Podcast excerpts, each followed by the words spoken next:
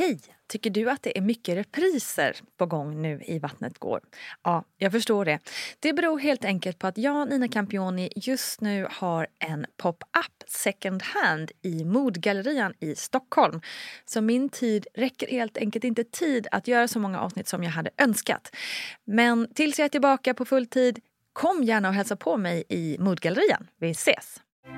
Nej men när jag kämpat på där hela natten så var jag så trött. Så då fick jag en epidural tog lite tid innan jag fick den. Så där, den där halvtimmen som jag fick vänta hade ju bara mer och mer ont. Och någonstans där vet jag att jag skrek bara ro hit den jävla läkaren. Jag orkar inte mer, jag dör här. Eller så här, så ont. Det var, jag höll gå av.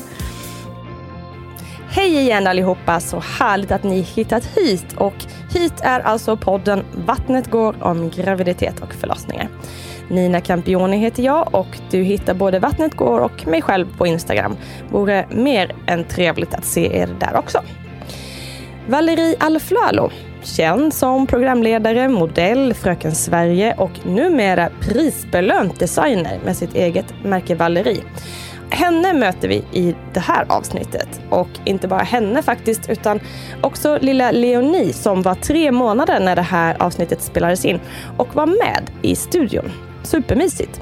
Och det var faktiskt också min lilla Essie som eh, numera är ungefär 15 månader. Eh, för hon dök upp där på slutet av inspelningen och orsakade en del kaos. Jag hoppas att ni ändå kommer höra mig och Valerie över alla barnläten. Förutom Leonie så har Valerie också barnen Bianca, 3 år, och Violetta, 9 år. Och alla tre förlossningarna har varit totalt olika varandra. Med oss i programmet är som vanligt Gudrun Abascal, barnmorska och grundare av BB Sofia. Hon hjälper till att reda ut ett och annat under vägens gång som vanligt. Alright, tillräckligt babblat. Nu kör vi! When you're ready to pop the question, the last thing you want to do is second guess the ring. At BlueNile.com you can design a one-of-a-kind ring with the ease and convenience of shopping online. Choose your diamond and setting. When you find the one, you'll get it delivered right to your door. Go to Bluenile.com and use promo code LISTEN to get $50 off your purchase of $500 or more. That's code LISTEN at Bluenile.com for $50 off your purchase. Bluenile.com code LISTEN. Hey, it's Ryan Reynolds, and I'm here with Keith, co star of my upcoming film, If, only in theaters, May 17th. Do you want to tell people the big news? All right, I'll do it. Sign up now and you'll get unlimited for $15 a month in six months of Paramount Plus Essential Plan on us. Mintmobile.com slash switch. Upfront payment of $45 equivalent to $15 per month. Unlimited over 40 gigabytes per month. Face lower speeds. Videos at 480p. Active Mint customers by 531.24 get six months of Paramount Plus Essential Plan. Auto renews after six months. Offer ends May 31st, 2024. Separate Paramount Plus registration required. Terms and conditions apply if rated PG. One size fits all seemed like a good idea for clothes. Nice dress. Uh, it's a it's a t-shirt until you tried it on. Same goes for your healthcare. That's why United Healthcare offers a variety of flexible, budget friendly coverage for medical, vision, dental, and more. So, whether you're between jobs, coming off a parent's plan, or even missed open enrollment, you can find the plan that fits you best. Find out more about United Healthcare coverage at uh1.com. That's uh1.com. Imagine the softest sheets you've ever felt. Now imagine them getting even softer over time. That's what you'll feel with Bowl and Branch's organic cotton sheets. In a recent customer survey, 96% replied that Bowl and Branch sheets get softer with every wash. Start getting your best night's sleep in these sheets that get softer and softer for years to come. Try their sheets with a 30-night guarantee. Plus, get 15% off your first order at bowlandbranch.com. Code BUTTERY. Exclusions apply. See site for details. Ja, då sitter vi här med en tre månaders Leonie i famnen. Ja. Så himla mysigt. Det känns ju ganska naturligt att börja prata om henne just då. Jo, det gör det. um, så hur planerad var hon? Ja, inte så väldigt planerad skulle jag vilja säga. Vi hade, vi hade ganska nyligen fått eh, Bianca och jag hade ganska nyligen börjat jobba igen. så. Eh, och kände väl att eh, egentligen så var det inte kanske ett läge. Men eh, samtidigt så blir man ju inte yngre. Och när jag fick veta att jag hade blivit gravid så var jag ju jätte, jätteglad. Så då det fanns aldrig en tanke på något annat om man säger så. Utan det var ju 100 procent att vi ville det också. Då. Men det var ju inte planerat, nej. Hur förstod du att du var gravid? Ja, men alltså, jag kände det redan eh, alltså, tidigt. Jag kände det i kroppen, liksom, i brösten och sådär. Och då kände jag att nej, men, nu har de växt lite, konstigt nog. Och magen har också börjat svälla lite. Jag tror att det är, när det är tredje barnet så blir det ganska snabbt. Man känner ganska snabbt en effekt. Så, Mm. eh, så att jag misstänkte att jag var gravid och så tog jag ett test och så var jag det. Men, och det var ju lite chockartat då eftersom inte eh, vi hade planerat det hela. så jag tog det där testet och visade för min man. Han trodde typ att jag skojade. så att, eh, men ja, så blev det. Men hur är du som gravid då? Uff, jag vet inte. Alltså, jag har varit olika alla gånger. Eh, en sak som jag alltid har varit är illamående. Och det har varit det absolut jobbigaste. Mm. Graviditetsillamåendet som jag haft. Och värst var det nu senast. Då var jag illamående en i, inne i vecka 20, mer än det. Så att du spydde och så också eller? Nej, men alltså som precis innan man ska få influensan hela tiden. Och jag ska gå in på detaljer här liksom. Men alltså jag mer så att man hulkar sig lite. lite. Och nej, usch. Alltså fruktansvärt illa. Jag är ju väldigt rädd för att kräkas. Så att därför så höll jag det inne liksom så mycket jag bara kunde. Annars så är jag ju nog liksom lite, jag har blivit, det har blivit värre och värre. Tycker jag med graviditeten. Alltså första gången var man ju bara så här i det blå på något sätt. Och allting var så härligt och man följde vecka efter vecka. Även om jag mådde illa liksom. Men nu sista gången var det ju mer en transportsträcka. Och jag visste ju vad det härliga som skulle komma. Och då ville jag liksom komma dit direkt. Och inte vara gravid. Tyckte det var lite jobbigt. Men ehm, Men hur påverkar det här liksom att man mår illa vardagslivet? För jag tänker ju, alltså när jag föreställer mig själv när man kanske är magsjuk eller någonting, man kan ju inte man kan ju inte tänka en vettig tanke liksom. nej. nej. Hur kan man fungera som människa tänker jag? Och jobba Ja. eller och ta hand om sina barn eller... superjobbigt. Jag fick faktiskt äh, medicin, jag minns inte vad den heter, men det finns sån här medicin mot illamående. Som även är samma mot äh, sjösjuka och lite så. Och det hjälpte väl delvis. Det är bara att bita ihop liksom. Så att det är inte så mycket att göra tyvärr. Det är, du, du mår illa ett tag och du får försöka att eh, liksom berätta för folk runt omkring dig. Så att jag gjorde det så mycket jag kunde. Eh, det är svårt precis i början, de första veckorna, för man är ju man har ju inte berättat för någon kanske att man är gravid. Och då ska man behöva göra det på något sätt fast man inte vill. Så, men jag berättade tidigt för många runt omkring mig och det underlättar ju en del. Kände jag. Just för att alltså jag är jätteillamående. Jag är jättetrött och jag är jättehemsk för tillfället. Men eh, så nu vet du. så då, ja, det, det underlättar tycker jag att vara ärlig och säga. Säga att man är gravid. Men eh, speciellt nu då som du sa i den här senaste graviditeten att det liksom kändes mer som att du bara ville komma fram till målet. Ja. Var det någon fas som, som du ändå tyckte var så här härlig? liksom? Ja, men faktiskt. Alltså när det här illamåendet hade lagt sig, då var jag ju eh, så himla lycklig alltså. Då kände jag ju att men nu kommer livet tillbaka. Så jag älskar ju att äta och dricka. Och, eller ja, dricka. Du drack jag ju ingen vin då såklart. Jag älskar att dricka vatten. Äta, dricka, ja, men jag drack alkoholfritt vin faktiskt mycket. Men, och det, det liksom kom tillbaka. Så glädjen kom tillbaka där. Och sen också att eh, jag började känna mig, jag fick en mage och jag började liksom så här, det började synas att jag var gravid. Eh, så att det var ju faktiskt någon gång där, ska säga runt femte månaden där någonstans, så började faktiskt allting vända. Och sen så mådde jag bra hela vägen fram till slutet. Och hade absolut inga problem. Lite tung liksom och lite ont i ryggen. Men så, så till resten av graviditeten var jättebra och då har jag känt mig pigg och glad och sådär. Men liksom såklart lite tröttare i kroppen än vanligt liksom. Men mm ingenting sånt som psy- psykiskt påfrestande som illamående kan vara. Men om du jämför med dina tidigare graviditeter, väl någon, förutom att du mådde illa längre då, var det några andra större skillnader? Ja, men alltså förlossningen har varit annorlunda. Men själva graviditeten har väl varit mm, ganska likt. Ganska likt. Jag, hade, jag fick rätt mycket foglossningar med eh, Bianca, alltså nummer två då. Eh, och ett tag var jag faktiskt riktigt dålig och tänkte att nu, hur ska det här gå nu i sju månader till eller vad det var. Men det gick över. Så att, eh, och det har jag inte haft lika mycket. Men eh, annars övrigt väldigt lika graviditeter. Hur är det liksom, för nu har ju du tre barn. Eh, och det är ju ändå rätt bra spridning. Du är nio år, tre år och tre månader nu då. Hur är skillnaden på hur du har förberett dig för förlossningen? I de olika tre? Kan du komma ihåg? Eh, ja, det gör jag faktiskt. Första förlossningen förberedde jag mig ju då enormt mycket för. Jag gick profylaxkurs, jag gick på mammayoga. Jag eh, mediterade. Jag eh, testade allt som man skulle göra där eh, som kunde hjälpa förlossningen. Och jag gick alla möjliga sådana där kurser och jag läste väldigt mycket och så. Eh, sen så mm, måste jag säga att jag använde mig nog inte sådär jättemycket av något av det. Därför att eh, första förlossningen var väl liksom lite mer av en chock. Och jag hade liksom egentligen ingen så här superkontroll förrän kanske på slutet av förlossningen. Där liksom så ansträngde jag mig mycket för att ändå förbereda mig. Andra förlossningen gick vi bara en sån här vanlig kurs, en förlossningskurs.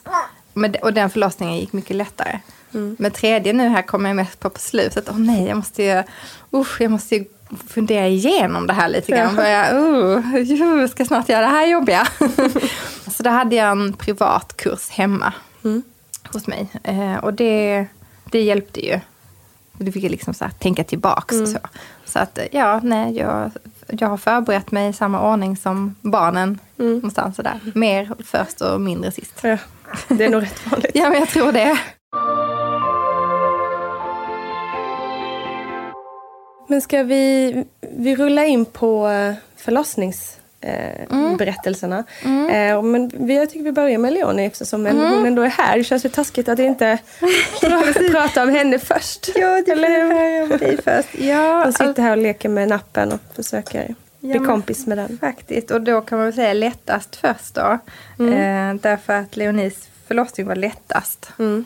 Jag vaknade på morgonen och kände väl lite grann att jag, alltså jag hade så lite molande värk kanske.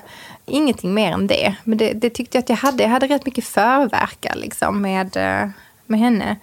Så här, dagen flyter på, jag håller på med barnen, fixar, leker. Det är någon så loppis på gatan som jag är med på. Och när jag står där så börjar jag känna liksom att jag får lite, alltså lite mer förverkar. Alltså de kommer tillbaks. Inte så att det är bara en och sen ingen mer den dagen. Utan det var liksom en och sen nästa timme var det en. Då tänkte jag så här, ja men alltså, fick jag lite så här hoppet, upp hoppet. För det var dagen innan beräknad förlossning. Och då tänkte jag så här, men det kanske är nu på gång då. Men jag sa ingenting så direkt. Men sen efter en stund så började jag lite, lite ont och då började jag ändå så här snacka med de som stod bredvid. Jag bara, jag har nog lite verkar nu, sa till min granne där. Hon bara, nej men gud, upp och föd här på bordet. Typ. Så började vi skämta om att jag skulle föda där. Och så, ja, det, mm. Nej men dagen gick och så här, gick med min dotter till en kompis som skulle på bio. Så tänkte jag, ja, man kan lika väl åka på bio för det spelar ingen roll. Även om vi åker in på förlossningen då, då löser ju det sig. Så jag gick till Sankt Eriksplan och då hade jag verkat så här var tionde minut. Wow. och det, liksom, det kom så jäkla snabbt på. Nej, men, och du vet, liksom, så jag fick stanna på Restaurangsgatan och liksom, krama min dotter för att jag Alltså det började göra så sjukt ont sådär plötsligt. Kom från ingenstans liksom. Och då var klockan kanske tre, någonting sånt på dagen. Förstod hon då vad det var som hände med dig? liksom? Ja, hon var typ lite rädd. Så hon Ja, är ju nio år, Ja. så hon förstår ju på sätt och vis. Men ändå så tyckte hon att mamma var lite konstig. Ja. Så hon skrattade lite, så jag tyckte det var lite pinsamt. Och jag bara, okej, ja, men lämna av henne. Det här är säkert en sån knäpp grej man får för sig också. När man då håller på att ska föda. Då tänkte jag så här, jag måste ju handla mat. Därför att annars finns det ingen mat hemma till mina barn. Men det kan ju vem som helst göra. Men det, det kom på att det kunde ju ingen annan göra. Det var jag tvungen att göra. Så att jag går och handlar mat. Och verkar. Ringer en kompis som jobbar på förlossningen och säger du nu alltså, jag är nu här på gång här tror jag. Så hon var helt exalterad, så vi började planera vad vi skulle göra. Och hon hjälpte mig då, hon tyckte men ring nu in. Jag bara, men alltså det kanske ändå inte är någonting. Eller, jag, jag tänkte det är på gång men ändå inte. Eller jag vet inte hur man tänker. Man, är, man vill ju inte tro att det är dags liksom. Så att jag kommer hem och då börjar verkarna verkligen komma igång. Så då ringer jag efter Johan, för han var iväg på en sak. Ringer min mamma. Alla då liksom kommer ju hem sådär.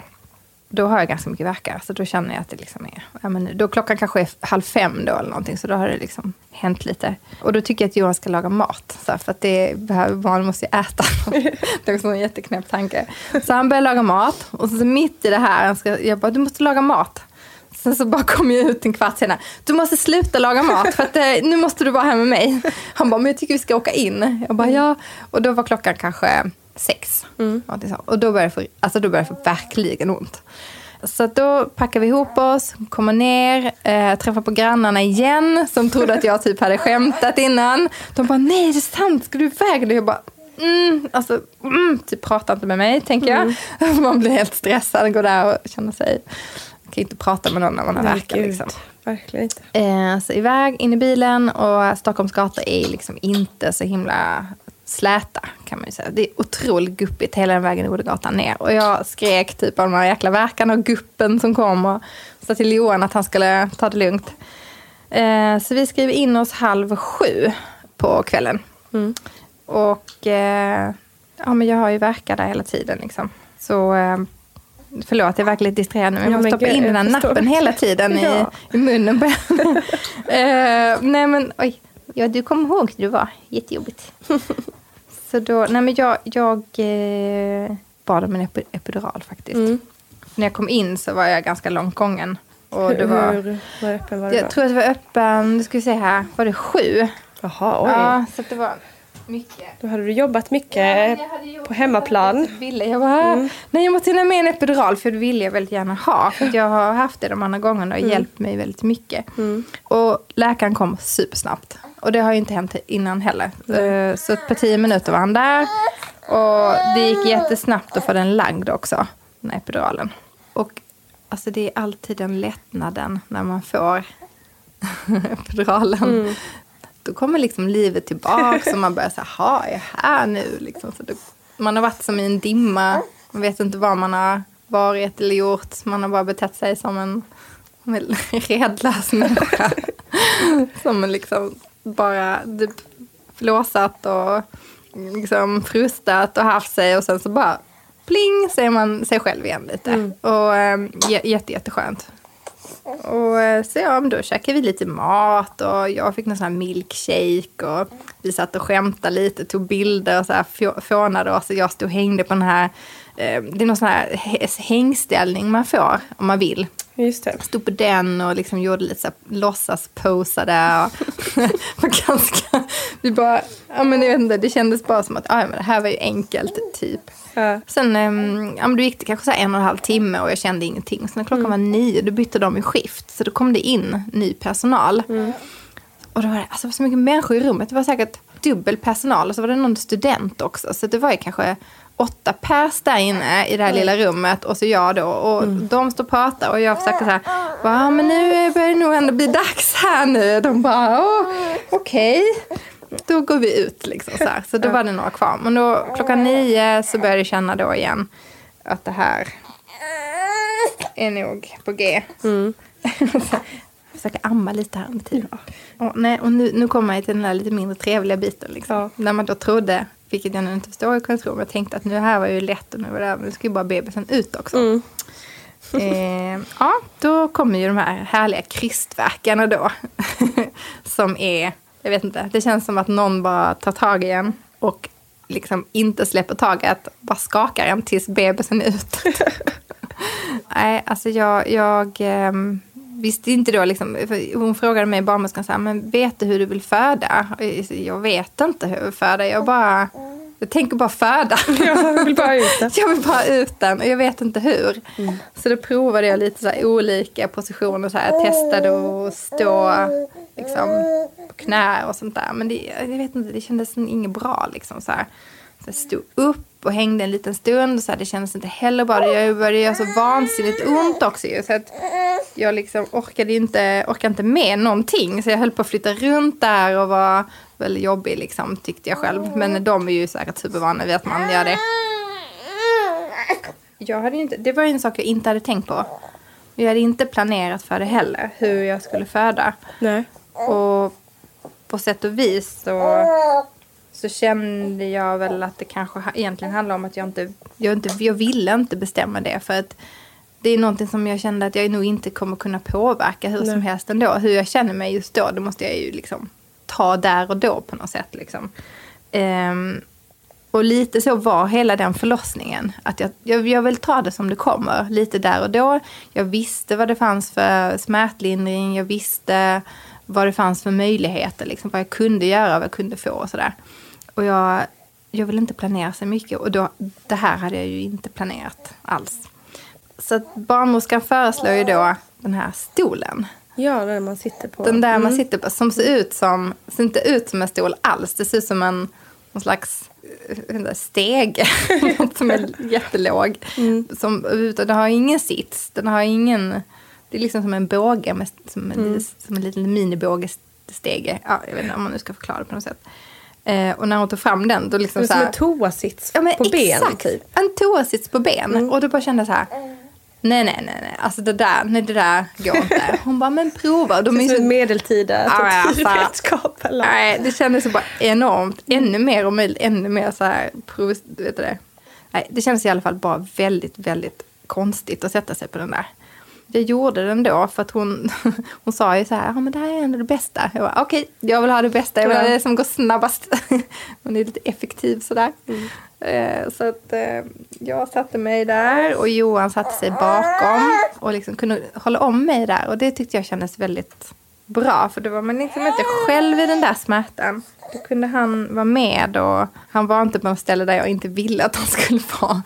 Så, för det kan man ju vara, man kan ju vara lite arg, lite fräsig sådär. Liksom. Stå inte där, gör inte så, ta, rör mig inte där, gör inte så. Alltså lite sådär. Där satt han liksom bakom och då kunde han hålla om mig.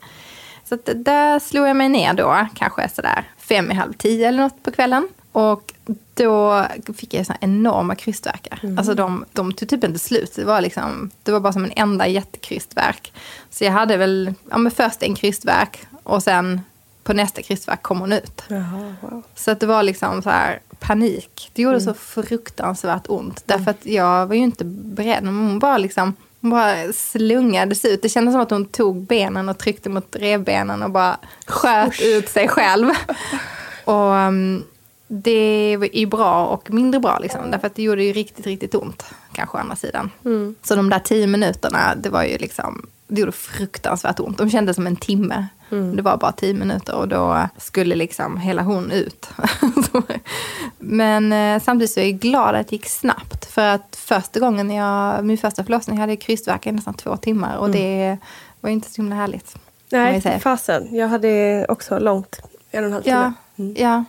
Så att, riktigt ehm, vidrigt. Mm, riktigt, riktigt vidrigt. Och det gör så fruktansvärt ont.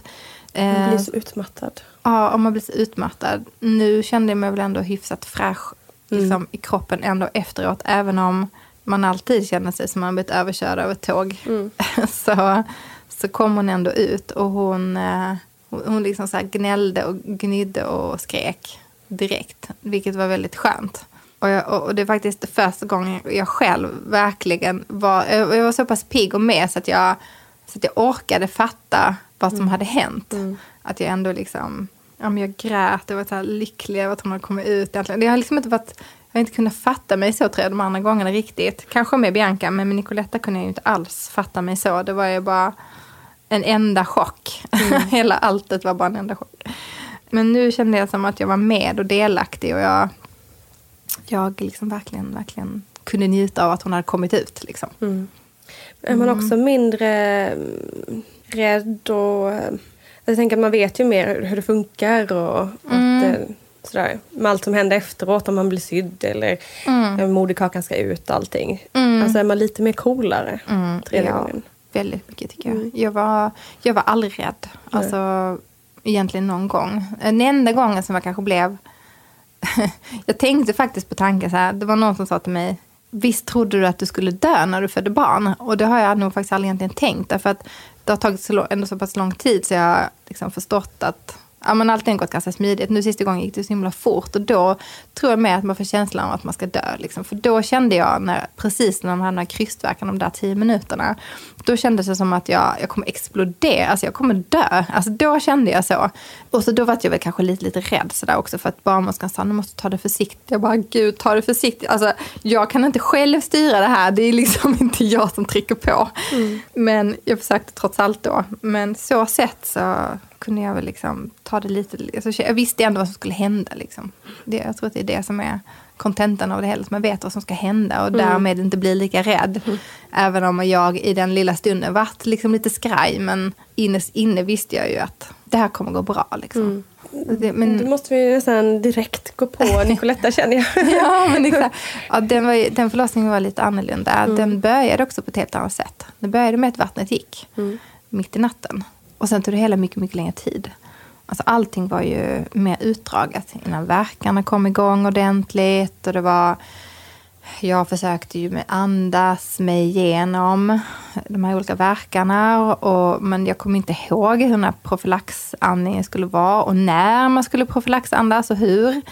Det, liksom, det hade jag ju helt glömt. För jag tyckte inte att jag, hur jag skulle kunna relatera till det. Jag hade ju aldrig fått barn innan. Jag visste inte alls hur det skulle kännas och så vidare. Ja, men det, det var någonting jag glömde säga, just det här med andningen. Därför att jag andades bara lite mer så meditativt, ungefär som när man gör eh, yoga. Mm. Den typen av andning har jag använt mig av de två senaste förlossningarna. Okay. Mm. Men första förlossningen så förstod jag inte riktigt liksom, vad jag skulle göra. Där. Så jag, och jag hade mycket lustgas och jag, jag var så fruktansvärt illamående och kräktes av den. Och jag fick så här, helikopterfylla. Och, nej, det var, jag, usch, det var hemskt. Och, nej, men så nu tar jag den här lite mer korta drag då, eftersom det här är, lite, det här är faktiskt nio år sedan. Så jag, kommer inte, jag kommer inte ihåg den sådär exakt i detalj. Inte klockslag och inte minuter. klockslag och minuter. Nej, men precis som man gör här på slutet. Mm. Men, men jag provade allt möjligt. Och till slut så vet jag att jag hade så ont att jag kände att nu, nu måste jag ha någonting annat. Och alltså, jag, då hade jag så ont så att jag höll på att svimma. Alltså jag var så, och dessutom var jag så trött också. Då hade jag hållit på i eh, hela natten med mm. verkar och provat olika saker.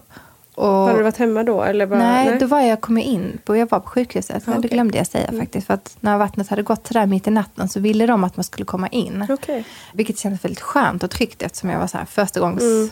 föderska och jag hade ingen som helst aning om vad som skulle vänta mig. Alltså verkligen ingen, ingen aning. Alltså, jag kunde inte ens föreställa mig hur det skulle kännas eller vad. Men jag kom in och eh, fantastisk barnmorska.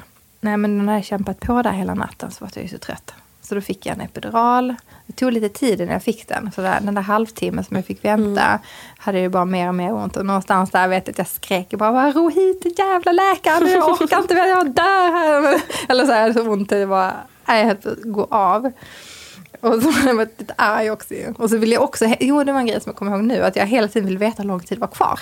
Jaha, för, att, ja. mm. för jag, det är liksom, men nu har jag skitont. Men jag vill veta, hur länge ska jag ha ont? Ja. Kan inte du säga till mig när bebisen kommer titta ut? Och de här mm, barnmorskorna, de kunde ju inte säga säkert. Så det var ju ingen som kunde säga säkert. Och det tyckte jag var skitjobbigt. Mm. De kunde säga, ja men klockan nio så är det klart det här.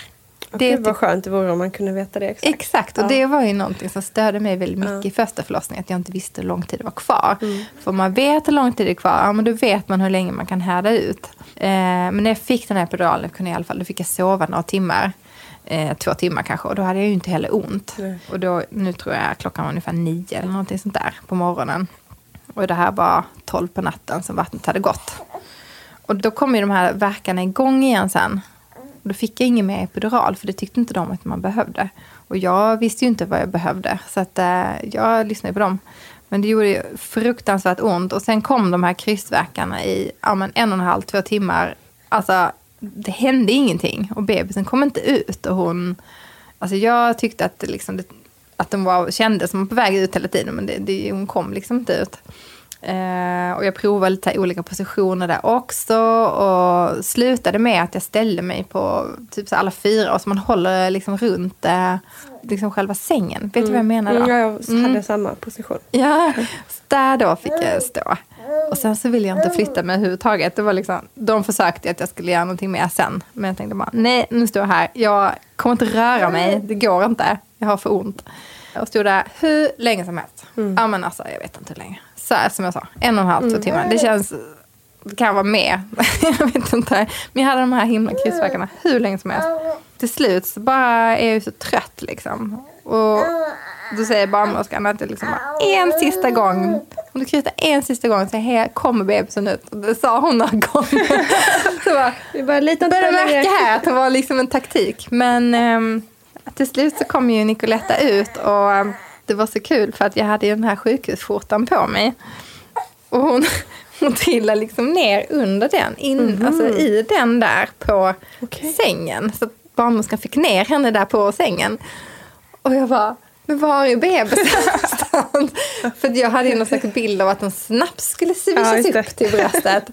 och det, det gjorde ju inte så att, då sa barnmorskan så här, men om du lyfter på kjolen nu så ligger din bebis där. Så då bara lyfte jag på kjolen så ja mycket riktigt, där låg den. Det var bara som konstig känsla. Speciellt. Man bara, jag, jag har fått ut något. Men var är den? Men var är den? Precis, det var så det kändes. Det var verkligen så det kändes. Men var det aldrig något snack om att det, att det skulle... Det var aldrig aktuellt med kejsarsnitt eftersom det tog så lång tid? Eller? Nej, det var det inte ändå. Jag tror att de... Ja, det tog, ja, klockan 11 kom hon ut på morgonen, så hela alltet tog typ 12 timmar eller någonting sånt där. Nej, de sa aldrig det faktiskt. Det var inte... Nu är det här nio år sedan, jag vet inte om man har ändrat någonting kanske sedan dess, men det var aldrig egentligen så att jag trodde det. Men, för det fortlöpte, men eh, det gick det är ändå ganska långsamt om man jämför med nu, som det nu. Om man tänker så här, 12 timmar, och sen tog nästa förlossning 6 timmar och den här då 3, typ. Så eh, halva tiden varje gång. Följer Om jag får en fjärde så tar det väl då en och en halv timme eller något. Ja. Blir det en fjärde? Nej, det blir det inte. Nej, men så att det var väl en... Men den, och den, men den liksom lyckan också så här första gången. Det var liksom så... Det var så stort. Det är alltid stort, men det var, det var liksom... Det var så häftigt, kommer jag ihåg, efter det hade lagt sig. Liksom bara, wow, vad vad har jag gjort för någonting? Men du nämnde att det var lite svårt att ta... Det här att man var lite omtecknad och så att det är svårt att ta sig till. Mm. Ja, Eh, precis. Hur, hur var de första minuterna och liksom, eller kanske timmarna till och med? ja, men lite sådär konstiga. Jag hade väldigt ont och jag blev sydd och sådär. Eh, och det gjorde fruktansvärt ont att bli sydd. Alltså jag fick någon slags eh, kortslutning i nerven. Jag vet inte, läkaren mm, pratar om någonting att man kan få det. Att det, det gjorde nästan ännu mer ont att bli sydd efteråt trots att jag fick bedövning. Den tog liksom inte.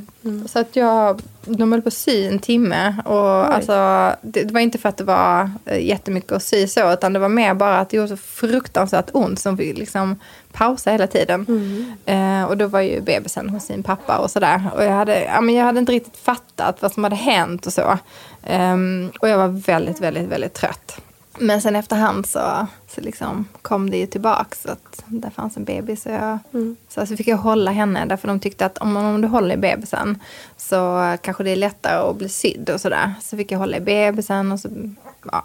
Men ehm, det gick ju bra liksom. Sådär. Det, det, var ju, det var ju mycket mer av en chock första gången. Och det var inte alls samma upplevelse som nu. När man är mer vid sina sinnesfulla bruk. Men eh, jag var ju mycket mer skör och mycket mer instabil. Hela jag var liksom bara som en enda, som en enda asplöv första tiden tycker jag. Fast jag var liksom också väldigt förälskad i mitt barn så var jag så här jättestressad hela tiden. Och orolig, fick mycket så här migrän och jag hade lite så här, sådana grejer. Men, ehm, så det var en väldigt stor chock, hela alltet på något sätt. Vad hände här? det blev liksom dels hormonellt och sen att man blir förälder. Ja, Det är mycket det där eh, hormonella tycker jag är intressant. För man Mm. tycker, man tror att man är helt eh, liksom, dum i huvudet eller olycklig eller någonting. Och så, Mm. så bara, men man måste komma ihåg att det är så mycket hormonella grejer som spelar i kroppen. ehm, som påverkar en mer än, liksom, det är egentligen inte jag. Nej, Alltså, så, precis. det här är egentligen inte jag. Nej, det är så. Nej, men det är helt sant. Det är verkligen det. Och det jag, jag tror att alltså jag hade förberett mig så otroligt mycket på vad som skulle hända under förlossningen. Men det är nästan ingenting om efteråt. Nej. Alltså det var någonting som slog mig så, så starkt då. att Varför får man inte veta mer om vad som ska hända efteråt? Framförallt som förstagångsmamma. Alltså vilken omställning det är i livet till hur man mår själv. Alltså jag, menar, jag vet ju när vi skulle åka hem. Jag, jag grät. Jag ville inte åka hem. Jag ville inte lämna BB. Jag tyckte det var så praktiskt och skönt att vara där. Och alla barnmorskor som hjälpte till. Och jag ville ta, ta med mig alla hem. För att jag jag ville inte åka hem riktigt. Och jag kände mig nog inte riktigt, jag var nog inte redo för att åka hem heller där. Eh, men jag, jag har bild på mig när jag är helt, så här, helt rödgråten och så ska jag åka hem. Och så sitter, jag, sitter, jag har någon rosa tröja på mig också, så det är helt rosa tröja och rosa i ansiktet. Så hela, hela alltet är bara som en enda, eh, och helt röda ögon. Men ehm, ja, nej, nej, det var inte, jag var lite instabil. Ja, När beslutar man för att, att det tar, kanske tar, nu tar det för lång tid, nu gäller det att eh, vi åker på akut kejsarsnitt till exempel? Alltså jag tycker att man får dela upp det här när vi pratar om kryssning. Jag brukar dela upp det i att först har man en krystkänsla. Man känner att barnet trycker på, man känner trycket mot ändtarmen och äh, man liksom med lite sådär. Det räknar väl jag som barnmorska inte rent medicinskt att det är riktiga krystverkar. För mig är riktiga krystverkar det när man aktivt går in och tar i och krystar så. Så att krystkänsla det kan man ha flera timmar innan barnet är fött. Men sen krystverkar, det här aktiva skedet av krystningen, så säger vi att en timme om det är första barnet. Längre än så sedan är det inte normalt längre och då brukar man börja fundera över ska vi lägga en sugklocka eller hur ska vi då på ett aktivt sätt mera få hjälpa barnet ut. Så att en timme säger man att med, med eh, så krystar man aktivt inte längre, sedan är det ett avvikande förlopp.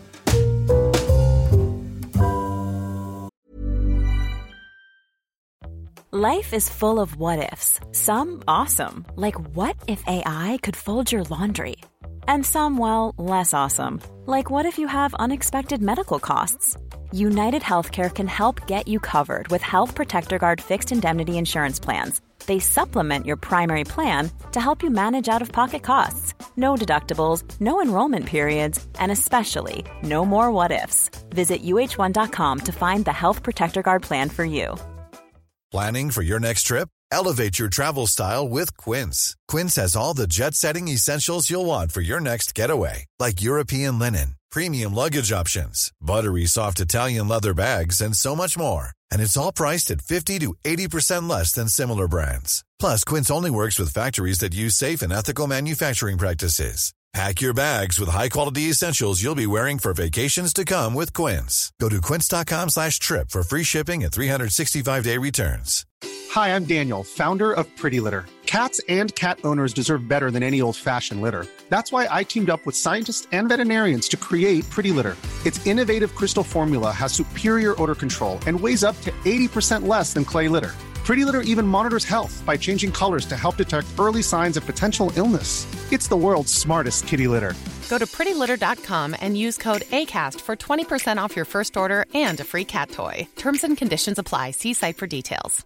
Hi, I'm Daniel, founder of Pretty Litter. Did you know cats tend to hide symptoms of sickness and pain? I learned this the hard way after losing my cat, Gingy. So I created Pretty Litter, a health monitoring litter that helps detect early signs of illness by changing colors, saving you money and potentially your cat's life. Pretty Litter is veterinarian developed, and it's the easiest way to keep tabs on your fur baby's health right at home. Go to prettylitter.com and use code ACAST for 20% off your first order and a free cat toy. Terms and conditions apply. See site for details. Hey, it's Ryan Reynolds, and I'm here with Keith, co star of my upcoming film, If, only in theaters, May 17th. Do you want to tell people the big news? All right, I'll do it. Sign up now and you'll get unlimited for $15 a month in six months of Paramount Plus Essential Plan on us. Mintmobile.com slash switch. Upfront payment of $45 equivalent to $15 per month. Unlimited over 40 gigabytes per month. Face lower speeds. Videos at 480p. Active Mint customers by 531.24 get six months of Paramount Plus Essential Plan. Auto renews after six months. Offer ends May 31st, 2024. Separate Paramount Plus registration required. Terms and conditions apply if rated PG. Nu ska vi också prata lite om Bianca såklart. Just det. Hur var den? Var den också helt annorlunda? eh, nu måste jag tänka tillbaks här. För att eh, det är lätt att man blandar ihop lite grann sådär. Den var väldigt mycket mer lik Leonis förlossning. Mm. Eh, det vill säga att eh, verkarna började. Jag måste bara tänka efter hur det var. Hur var det nu? Nej, men och där var det också så. Det smög sig på. Skulle, det här, men det här smög sig på på kvällen. Så tänkte jag så här, åh nej, nej, nu blir det på natten igen. För det är ju det som är det jobbiga. Eller det är alltid jobbigt, men eh, att på natten. Ja, för då blir man ju utmattad på ett helt annat sätt kan jag tänka mig. Nu har jag bara varit med om det en gång. Men, men eh, det är ju så, sömn är ju så viktigt. Ja, men det är superviktigt. Det var det ju så. Det smög sig på. Jag var hemma, tack och lov. Eh, och Nicoletta var också hemma då. För i och med att hon har en annan pappa så eh, bor hon ju varannan vecka. Så då fick jag ju ringa honom sådär mitt i allt. Nej men vänta här, nu måste jag gå tillbaka. Så nu har jag faktiskt en grej här som jag glömde berätta. Jag trodde ju faktiskt att förlossningen var igång en vecka innan den verkligen Aha. satte igång. Och det här var då en vecka innan utsatt datum. Nicoletta är ju född en vecka ut, innan utsatt datum. Så att jag kände att det var ju inte så konstigt om det skulle vara så. Men eh, jag hade tvättat ett gäng såna här eh, stolsdynor. Ja. Och eh, sen skulle vi ha middag. Så lägger jag på dem och då, då har de legat torkat kanske i tre dagar. Någonting sånt där. Så jag kände ju liksom att kolla på dem, de är torra. Okej, jag lägger ut dem. Och sen efter en stund när jag suttit på min plats. Så bara shit, alltså det är blött här. Och så lyfte jag på stolen så jag hade som en sån liten pöl. Jag bara shit, vattnet har gått. För det var ju det jag väntade på lite eftersom det hade hänt med Nicoletta. Eftersom min första förlossning var så. Så vidare in på BB och, och kolla. Nej, det var ju ingenting på gång alls där. Och det var, hon kunde inte se någon vatten som hade gått sådär jättepinsamt. Så var det ju jag som, som inte hade torkat stolsdynan antagligen. Eller just den stolsdynan var väl då inte helt torr. Eh, så att efter det så kändes det lite grann som jag gick över tiden hela tiden. Så det var så här, åh, men nu kan du väl ändå sätta igång. Och så tog det en vecka och så satte det igång. Och då började det med verkar istället. Så då kommer ju verkarna. Man blir så nervös för att man har ju hört att om vattnet har gått då ska ju förlossningen komma igång inom 72 timmar eller någonting i den stilen. Och man blir så nojig. Man nojar ju för allt när man är gravid. Liksom. Tänker så här, nu har det kanske satt igång ändå. Men hur som helst, verkarna kom igång. Jag fick då ringa mitt ex. Det är kanske inte det skönaste, skönaste stunden att ringa sitt ex och säga du kan du komma här nu och hämta Nicoletta. Men eh, det, fick hon, det fick han göra då. Och Han var helt glad och exalterad. Men jag var ju bara...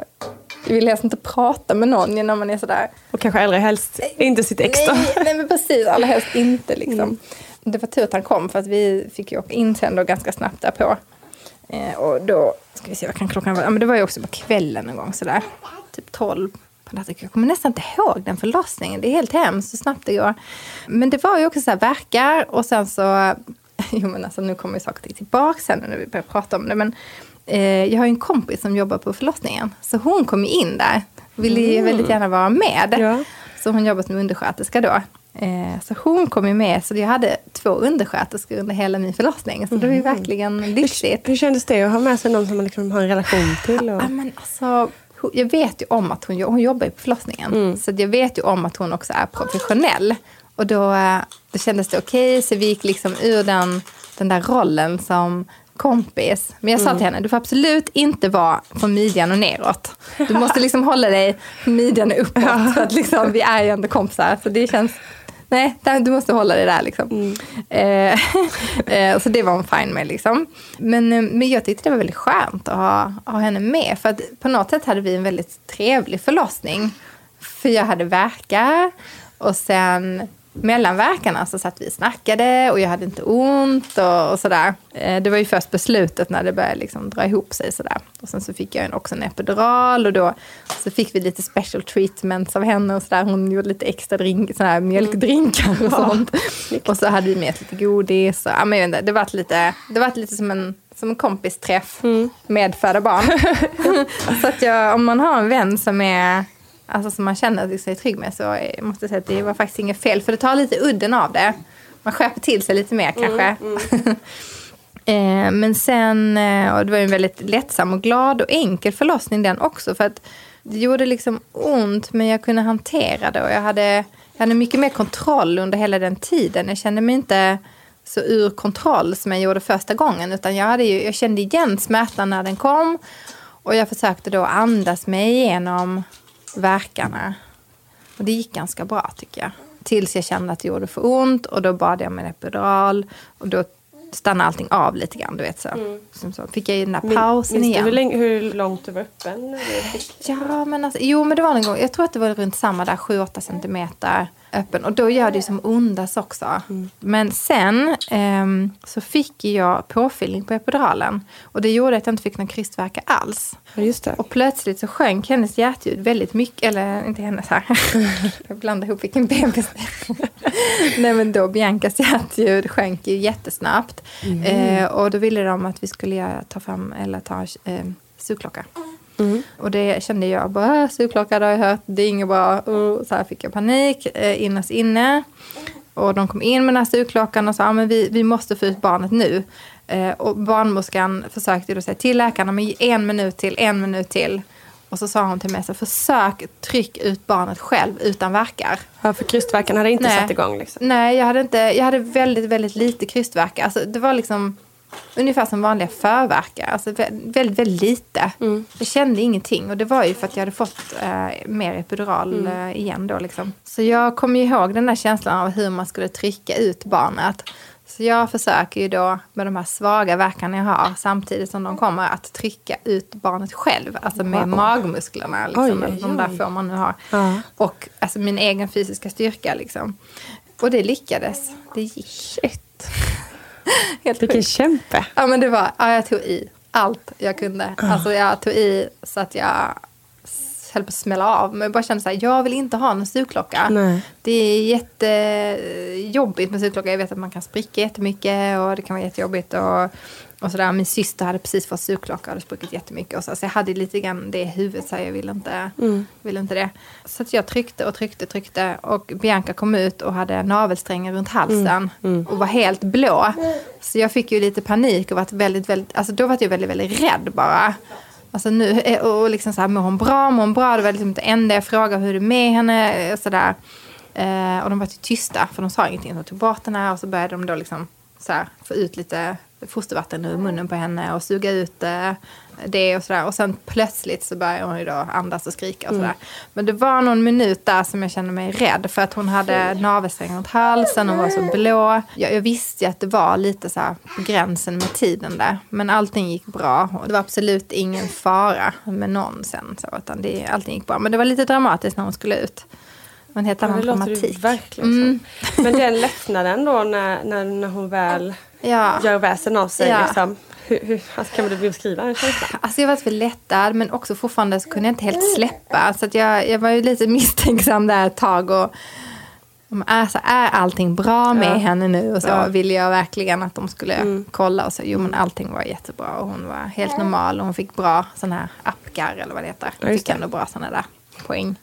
Då först kunde jag slappna av. Men det, tar, det tog en liten stund för mig innan jag kunde känna mig liksom lugn. Och så. Mm. Men alltså det är helt, det är helt sjukt. Du, du födde alltså Bianca utan krystvärk. Ja, jag hade inga krystvärk. Jag hade bara några så svaga, svaga, svaga. De kunde typ inte se att jag hade några verkar. Mm. Det var så lite och jag tryckte ut henne själv. Och jag kommer ihåg att jag efteråt, så här, när jag tänkte tillbaka på det, tyckte liksom att bara, "Sh, alltså, hur kunde jag göra det? Ja, alltså det hur, helt hur fick jag ut henne? Men jag kom liksom på något sätt ihåg hur det var. Att Det Ja. var liksom att det är bara, det är bara tryck. så det är bara ta i allt vad du har. Tänk om alla kunde göra det så hade man så minimerat för förlossningstiden. Ja, men exakt, exakt. Så jag bara, "Äh, upp en sex centimeter, nu kör vi bara. Ja, precis, precis. Ja, men jag, jag gjorde det lite grann med Leonie också säkert då, utan att vilja det så vart det ju så lite att krystvärkarna var så starka då. Ja. Men de var, andra gånger var krystvärkarna väldigt svaga. Men det var på grund av epiduralen. Mm. Men det är ju vanligare att man får göra sugklocka om man har tagit epidural. Mm. Så det är ju en av alltså riskerna då, eller vad man ska säga. Ja, det är ju bra att man är medveten om, om Mm. alla, hur det kan bli liksom. Ja, nej men det är nog mitt, alltså, det brukar jag alltid säga till alla, om du känner att du inte har någon krystvärkar, prova tryck själv. För att det går. Eh, så. Riktigt coolt, det har jag aldrig Mm. hört talas om. Nej. Faktiskt. Otroligt Jag har faktiskt inte heller hört någon, men eh, jag vet inte, det är inte så ofta man pratar kanske med så detaljerade saker Nej, med andra nej människor heller. Men, men ändå. men det, det, det gick, så att eh, Ja. ja.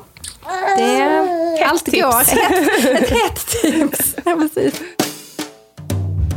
Att föda utan krystvärkar, dina tankar kring det? Att föda utan krystvärkar, eh, då har barnets huvud inte kommit tillräckligt långt ner mot bäckenbotten och så kommer jag på nu ska den här ungen ut. Och så tar man i och använder sin bukmuskulatur allt vad man kan då, och har inte Själva krystreflexen har inte kommit igång på grund av att barnets huvud står för högt upp. Och där kan man ju forcera fram den. Alltså du kan ju krysta ut barnet utan att ha så kallade krystreflex och krystvärkar. Det går ju på, på både kraft och ilska och att ta i tillräckligt mycket så kan man göra det. Men det är inget man strävar efter gissar jag? Därför att man vet ju att forcerad kryssning som det här är, som, som vi har pratat om just nu, det ger ju en risk för ökad att man brister mera än om man tar det långsamt, om man väntar att barnets huvud successivt får, får försiktigt tränga undan vävnaderna. Men den här forceringen då som man gör så ökar ju risken för bristningar. Så att om man inte absolut måste så ska man, tycker jag, avvakta med det. Men hur var det där med eh, connection till Bianca och sådär efter förlossningen? Men det gick mycket snabbare. Mm. Ehm, det, alltså, det tar ju alltid tid såklart ändå på något sätt att fatta att det är någon som har kommit hit och att man ska känna det här, bara det är mitt barn. Alltså, Mm. Alla de där tankarna. Men jag tyckte ändå att det gick bättre och ehm, jag hade en annan relation då också i mitt liv. Och Mm. plus att jag också kände att jag jag var ju redan mamma.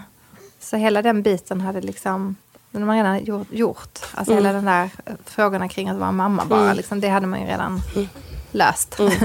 så så att det, det, allting, jag tyckte var, allting var mycket bättre andra gången. Mycket härligare på alla sätt. Liksom. Jag tror att många man pratar med, eller tycker att många man pratar med säger samma sak. Mm. Alltså jag skulle helst vilja få mitt första barn andra gången. Om jag kunde få välja. Det är my- mycket, mycket roligare att bli mamma. Kroppen var mer förberedd, man själv var mer förberedd. Ja, det fanns, jag tycker egentligen inte att det finns någonting dåligt med det. Så, det var lättare på alla sätt. Låter positivt. Mm, ja. Ser fram emot det. Ja, ja. Nej men alltså du har det bästa Mm. framför dig. För det är andra barnet är... Nu lät det kanske som att jag var Ja, nu gravid. Men det var, Men om- om det det var någon mer att gång- jag någon gång i framtiden. Ja exakt, om du Mm. någon gång får fler barn så... Ja, jag tycker att andra gången var bättre. Och tredje också bättre faktiskt. Mm. Även om de säger att trean kan vara lurig. Det hade jag ju hört. På vilket sätt då? Eh, att den förlossningen kan ta längre tid. Och att den kan vara helt olik de andra. Okej. Att det händer ganska ofta att den är mycket mer komplicerad. Mm. Men eh, samtidigt så är ju de flesta lättare. Men det är ju även så att trean kan vara lurig. Men nu då efter tre eh, graviditeter, tre förlossningar Mm. och tre barn. Vad vet du nu som du inte visste innan? Åh, herregud. Ja, det, det är nog väldigt många saker det.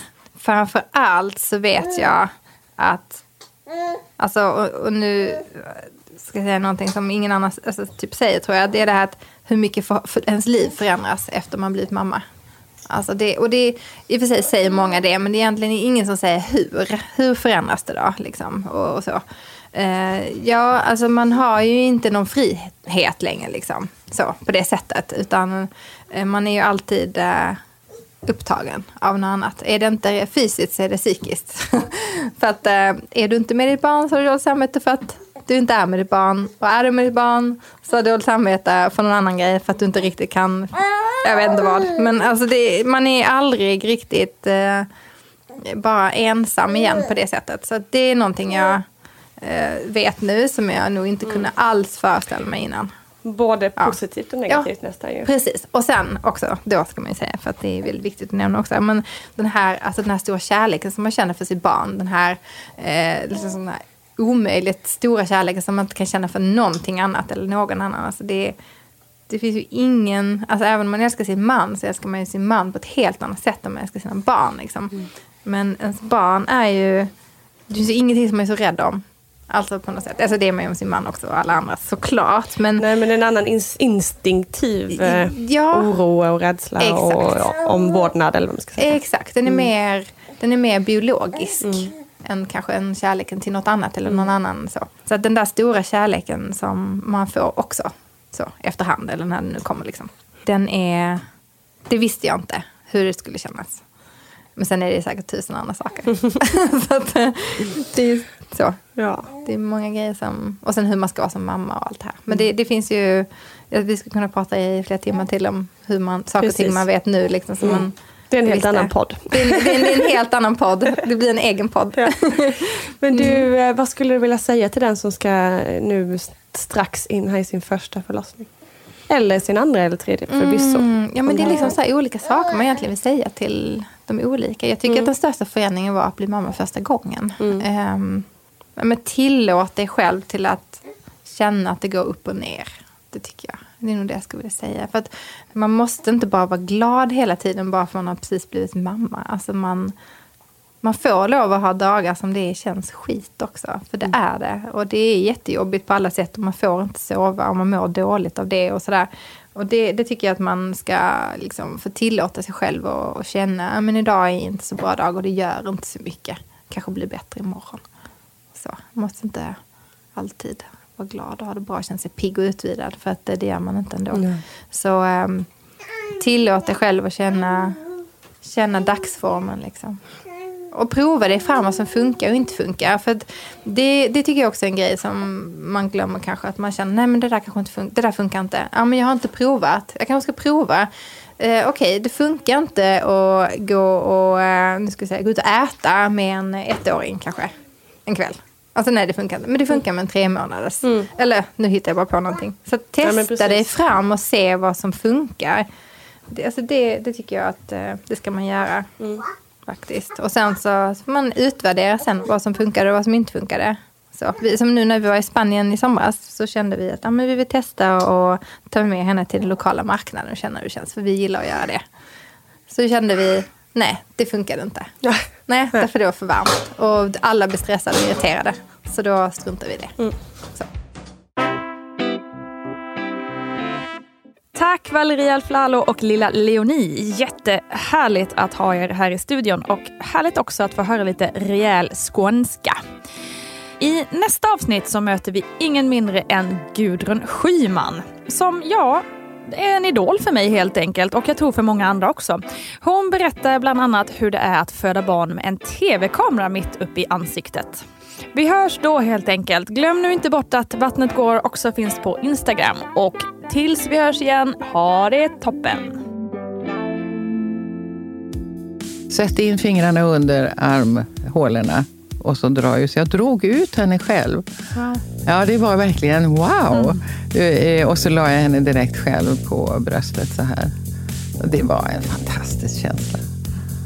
Det var, eh, ja, det var något alldeles exceptionellt alltså. Producerat av Perfect Day Media. Ever catch yourself eating the same flavorless dinner three days in a row? Dreaming of something better? Well, HelloFresh is your guilt-free dream come true, baby. It's me, Gigi Palmer. Let's wake up those taste buds with hot, juicy pecan-crusted chicken or garlic butter shrimp scampi. Mm. Hello Fresh. Stop dreaming of all the delicious possibilities and dig in at HelloFresh.com. Let's get this dinner party started. Hi, I'm Daniel, founder of Pretty Litter. Cats and cat owners deserve better than any old fashioned litter. That's why I teamed up with scientists and veterinarians to create Pretty Litter. Its innovative crystal formula has superior odor control and weighs up to 80% less than clay litter. Pretty Litter even monitors health by changing colors to help detect early signs of potential illness. It's the world's smartest kitty litter. Go to prettylitter.com and use code ACAST for 20% off your first order and a free cat toy. Terms and conditions apply. See site for details. Even when we're on a budget, we still deserve nice things. Quince is a place to scoop up stunning high-end goods for 50 to 80% less than similar brands. They have buttery soft cashmere sweaters starting at $50, luxurious Italian leather bags, and so much more. Plus, Quince only works with factories that use safe, ethical, and responsible manufacturing. Get the high-end goods you'll love without the high price tag with Quince. Go to quince.com slash style for free shipping and 365-day returns. Imagine the softest sheets you've ever felt. Now imagine them getting even softer over time. That's what you'll feel with Bowl and Branch's organic cotton sheets. In a recent customer survey, 96% replied that Bowl and Branch sheets get softer with every wash. Start getting your best night's sleep in these sheets that get softer and softer for years to come. Try their sheets with a 30-night guarantee. Plus, get 15% off your first order at bowlandbranch.com. Code BUTTERY. Exclusions apply. See site for details.